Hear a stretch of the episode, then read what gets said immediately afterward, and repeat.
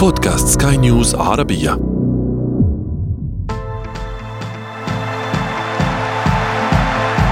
أثير الكرة.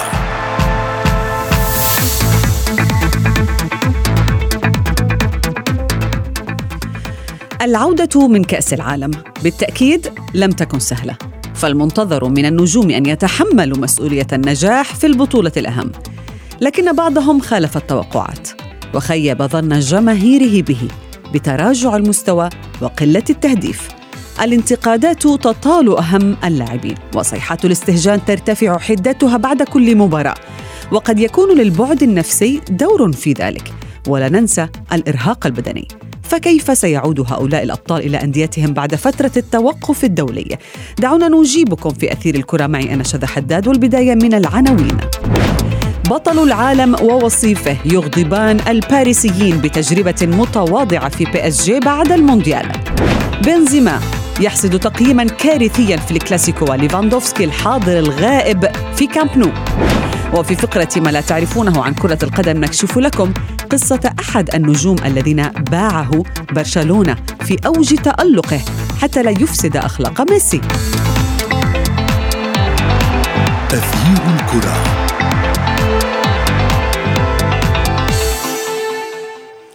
أهلا ومرحبا بكم مستمعينا الكرام في حلقة جديدة من أثير الكرة وفيها حصد النجم الفرنسي كريم بنزيما مهاجم ريال مدريد تقييما كارثيا خلال مباراة الكلاسيكو الأخيرة والتي انتهت بفوز ثالث على التوالي لبرشلونة على حساب ريال مدريد صفر من عشرة كان تقييم الحكومة في مدريد بحسب آس الإسبانية. ليفاندوفسكي هو الآخر كان الغائب الحاضر في هذه المباراة بينما سار ليونيل ميسي إلى غرفة تبديل الملابس مباشرة بعد الخسارة من رين في الدوري الفرنسي وسط غضب الجماهير الباريسية.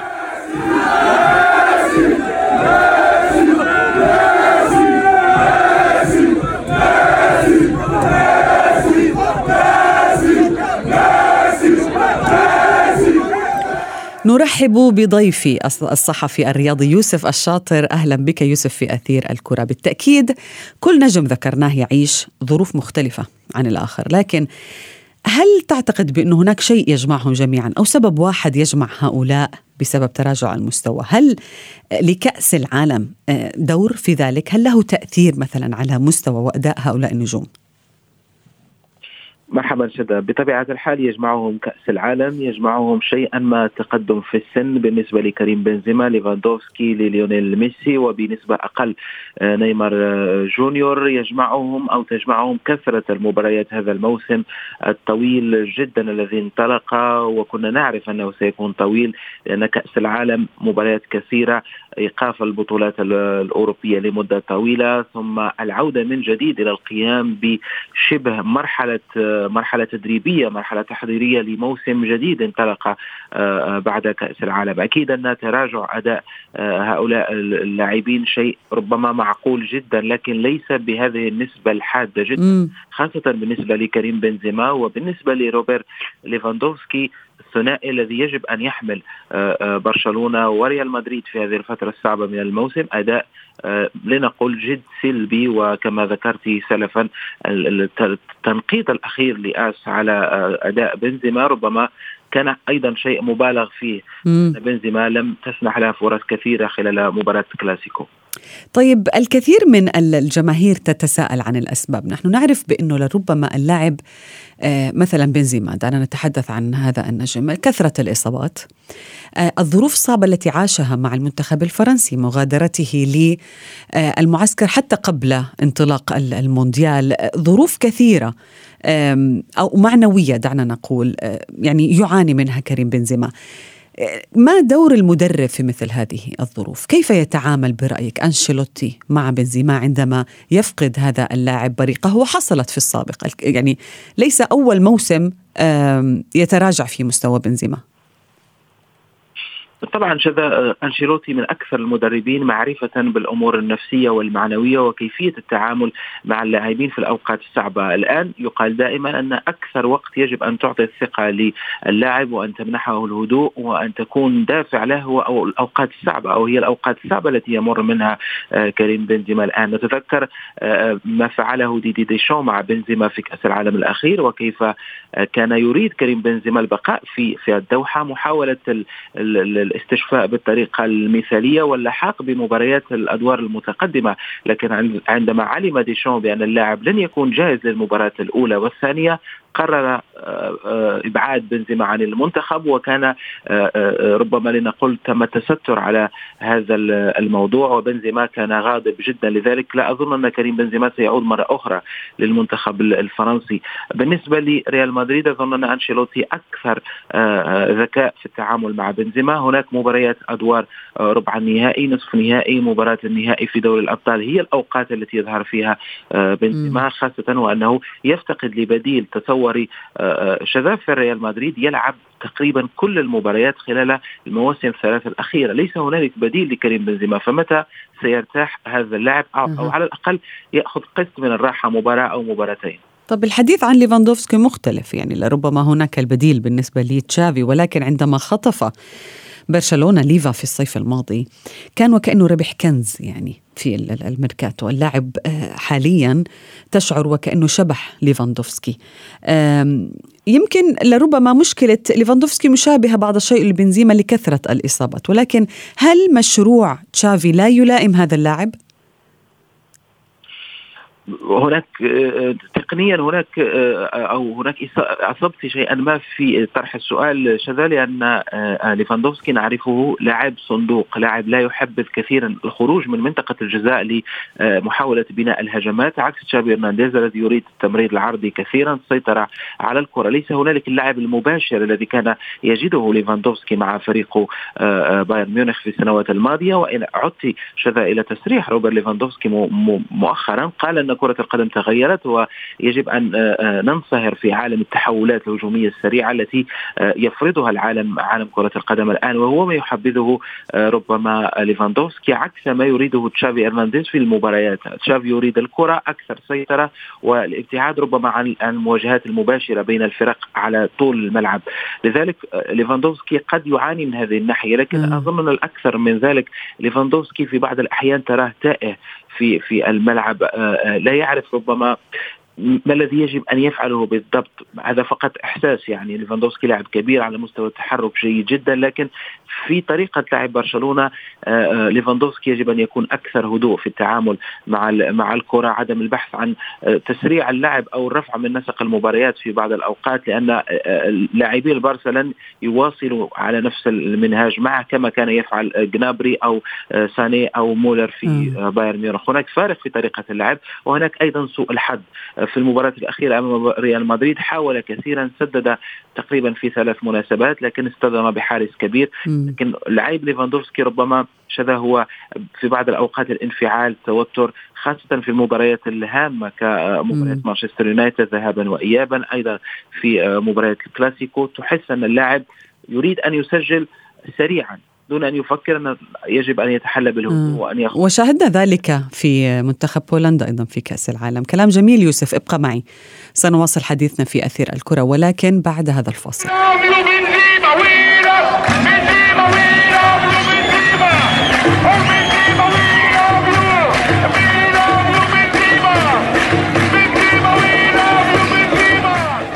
أهلا بك يوسف من جديد ونرحب أيضا بضيفي الصحفي الرياضي شاكر الكنزالي. أهلا بك شاكر. كنا نتحدث عن أو بدأنا ب آه، بنزيما وليفاندوفسكي.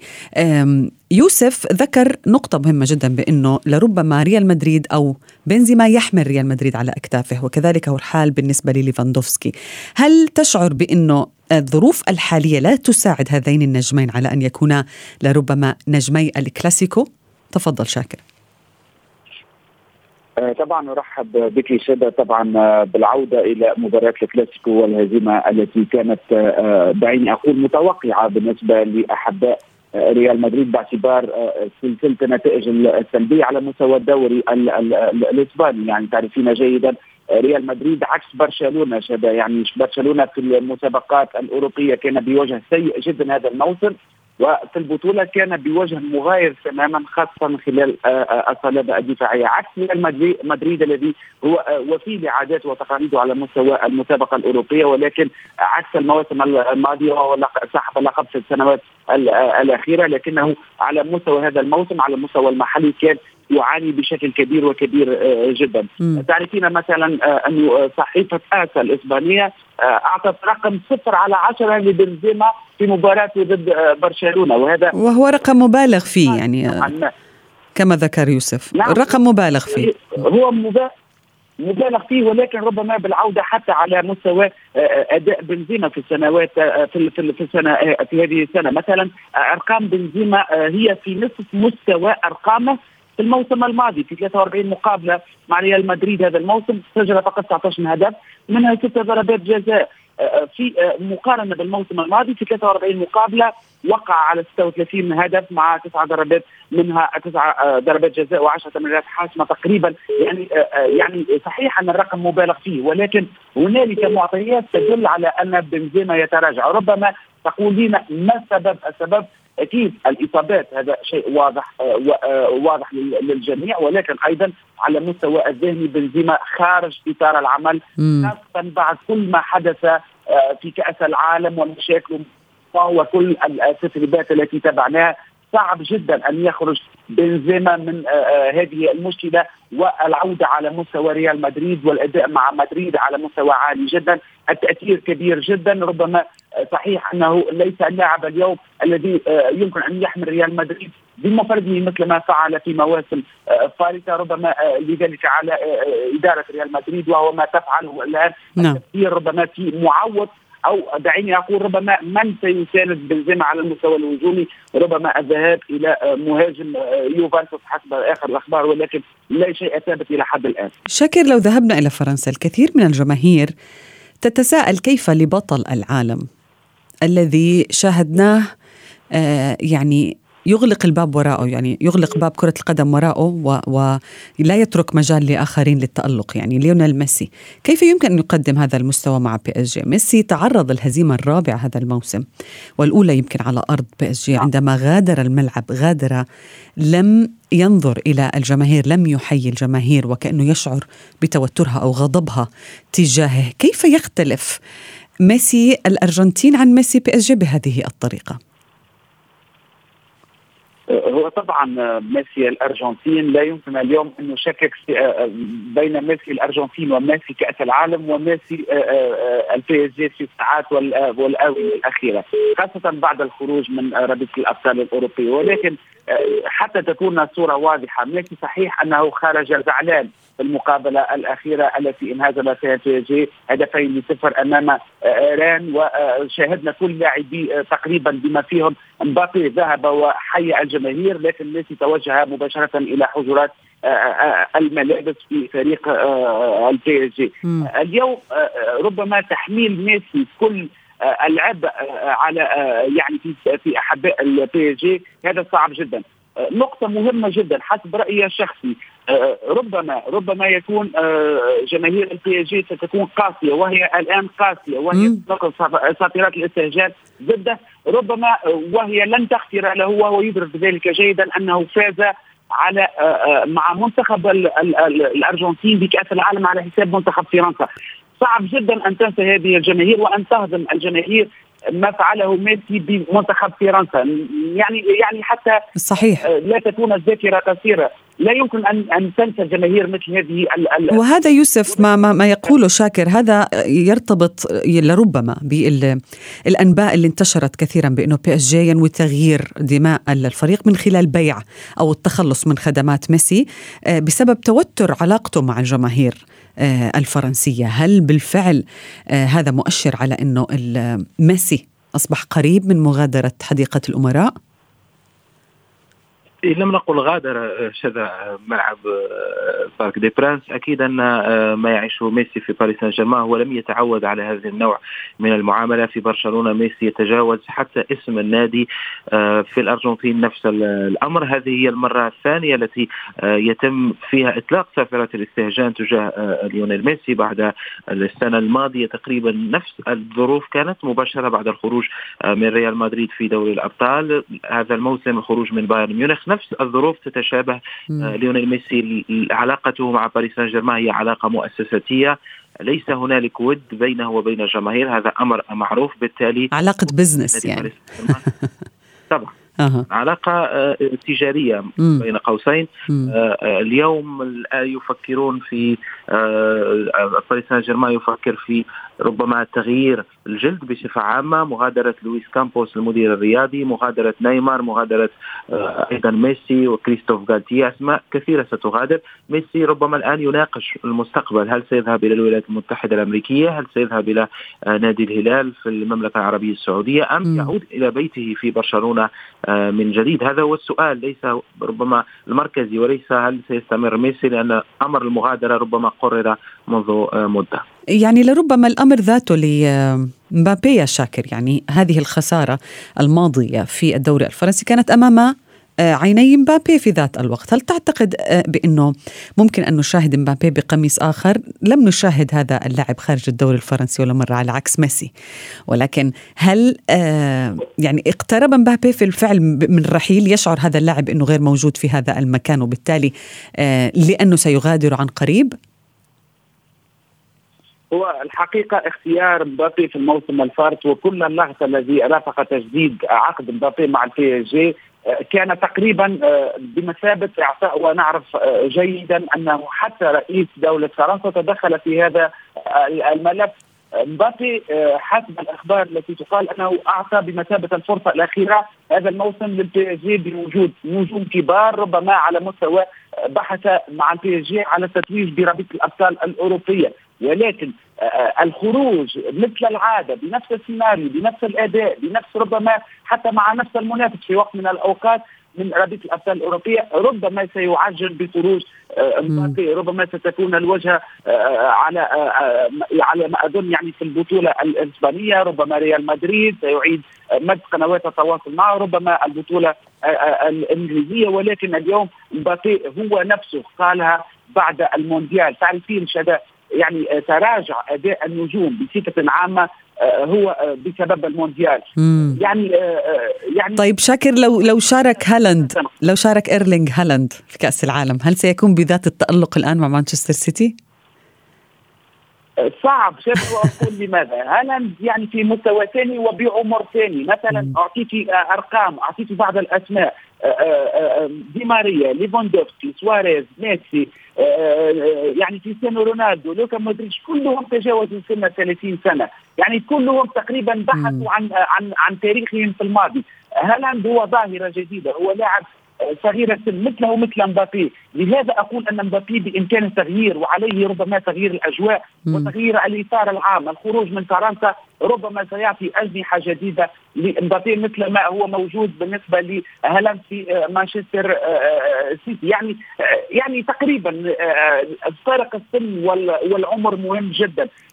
ربما مبابي لا يريد أن يخسر بقية السنوات في مطارده حلم قد لا يتحقق خاصة في ظل المشاكل الكبيرة في ظل الاختيارات الفنية صحيح في يوجد مشاكل اليوم حتى على مستوى البطولة الفرنسية ليس فقط على مستوى المسابقات ال ال ال طيب. الأوروبية وبالتالي أظن أن مبابي قريب جدا ربما من مغادرة ال PSG وهذا ربما سيكون القرار الأفضل بالنسبة له. طيب يوسف آه، هبوط هؤلاء النجوم الذين تحدثنا عنهم قبله أيضا صعود نجوم أو لاعبين صغار كفاره أوسيمان مع نابولي راشفورد مع مانشستر يونايتد جافي فيران مع برشلونة أمثلة كثيرة هل كثرة هؤلاء النجوم الصاعدين اللي بتنافسوا بين بعض لمن يكون أفضل آه نجم شاب آه أثر معنويا أو آه سبب قلق لنجوم الكبار بهذه الطريقة؟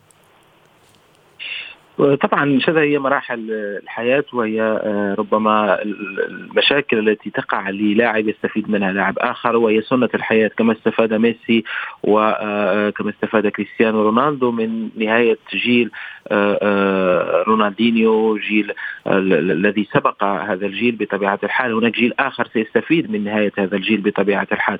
لا أقول أنه أثر بشكل مباشر لكن بطبيعة الحال وسائل الإعلام شركات الكل الكل يهتم دائما بالمستقبل فيتم التركيز أكثر على النجوم الساعدة. الان ريال مدريد الذي كان ربما يرى في بنزيما اللاعب الأساسي الذي يبني عليه ربما الآن بدأ التفكير في المهاجم القناص الذي سيخلف آه، كريم بنزيما في المستقبل. أيضا برشلونة بدأ يتحرك نحو نجوم شابة كالنجم البرازيلي فيكتور روكي الذي قد يكون أول صفقات النادي خلال الصيف المقبل لاعب آه، المنتخب البرازيلي لأقل من 23 سنة ونجم أتلتيكو بارانينسي هناك أسماء صاعده كفارا لاعب رائع مرشح للانتقال للريال لكن هي ربما السيرورة العادية لعالم كرة القدم. دائما ما يتم آه، أو يجب أن يكون هناك خزان للنجوم ومصنع للنجوم من أجل الحفاظ على الصورة التسويقية لكرة القدم للدوريات الأوروبية لمسابقة دوري الأبطال. كما نشاهد في الام بي اي أو في أكبر المحافل م. آه، الرياضية. آه، شاكر من هو الأفضل آه، أفضل الفريق يملك مثل هؤلاء النجوم الشابة برأيك؟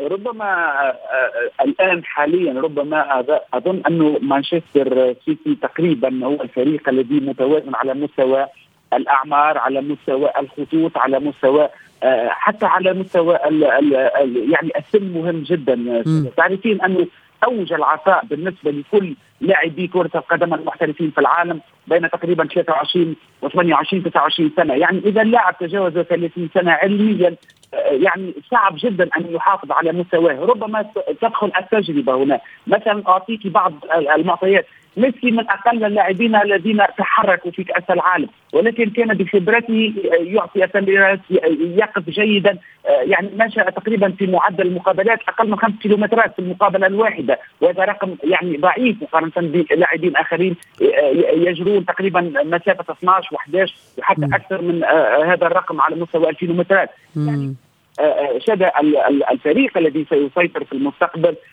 صحيح أن هذا الجيل لا نريد أن ننساه لا, لا نريد أن نخرجه بهذه الطريقة آه، ربما السيئة ليس في سنة أو سنتين آه، يعني صار ميسي عجوزا أو كريستيانو عجوزا ولكن تعرفين أنه كأس العالم الأخيرة كانت هي الهدف بالنسبة لهؤلاء اللاعبين، يعني الطموحات كانت والتحقيقات والتركيز كان قبل كأس العالم. لكن نضج لربما جيل كامل ينافس هؤلاء النجوم الكبار، كل الشكر لكما ضيفي شاكر الكنزالي ويوسف الشاطر. أثير الكرة. في فقرة ما لا تعرفونه عن كرة القدم نكشف لكم نجما لم يعطي كرة القدم ما تستحقه مقابل ما أعطته هي من أموال ونجومية. حديثنا هنا عن صاحب الابتسامة الأجمل في الملاعب رونالدينيو الذي تخلص منه برشلونة عام 2008 وهو في أوج تألقه وبعمر الثامنة والعشرين عاما فقط حتى لا يفسد النجم الصاعد آنذاك ليونيل ميسي. تقارير صحفية ذكرت أن رونالدينيو كان يشترط عند تعاقده مع الأندية أن يسمح له بالسهر في الملاهي الليلية وكانت موهبته الفائقة تجبر الفرق على الرضوخ لهذا الشرط والحقيقة أنه لو التزم لتألق بشكل أكبر بدلا من الاعتزال مبكرا. دعونا نستذكر موقفا يعد الأطرف في مسيرة اللاعب البرازيلي رواه زميله السابق أندريس إنيستا الذي وضح أن رونالدينيو اتصل به قبل يوم من إحدى مباريات الكلاسيكو قال له إنه تلقى عرضا مغريا من ريال مدريد وسيرحل له في الصيف القادم وعلى انيستا ألا يخبر احدا بذلك. وفي تدريبات اليوم التالي شعر أنيستا بأجواء غريبة. الكل كان يعانق رونالدينيو وكأنها آخر مرة سيشاهده فيها. حتى اجتمع البرازيلي باللاعبين وقال لهم إنه اتصل بهم جميعهم وأبلغهم ذات الشيء ولم يفشي أحد هذا السر. فعلم رونالدينيو أنهم بمثابة العائلة في كامب نو. ويبدو أن هذه الكلمات كانت مفتاح الفوز على ريال مدريد في واحدة من أجمل مباريات رونالدينيو بقميص البلاوغرانا. وصلنا إلى صافرة النهاية من حلقة اليوم. انتظرونا في موعد جديد من أثير الكرة. هذه تحياتي أنا شذى حداد. إلى اللقاء. أثير الكرة.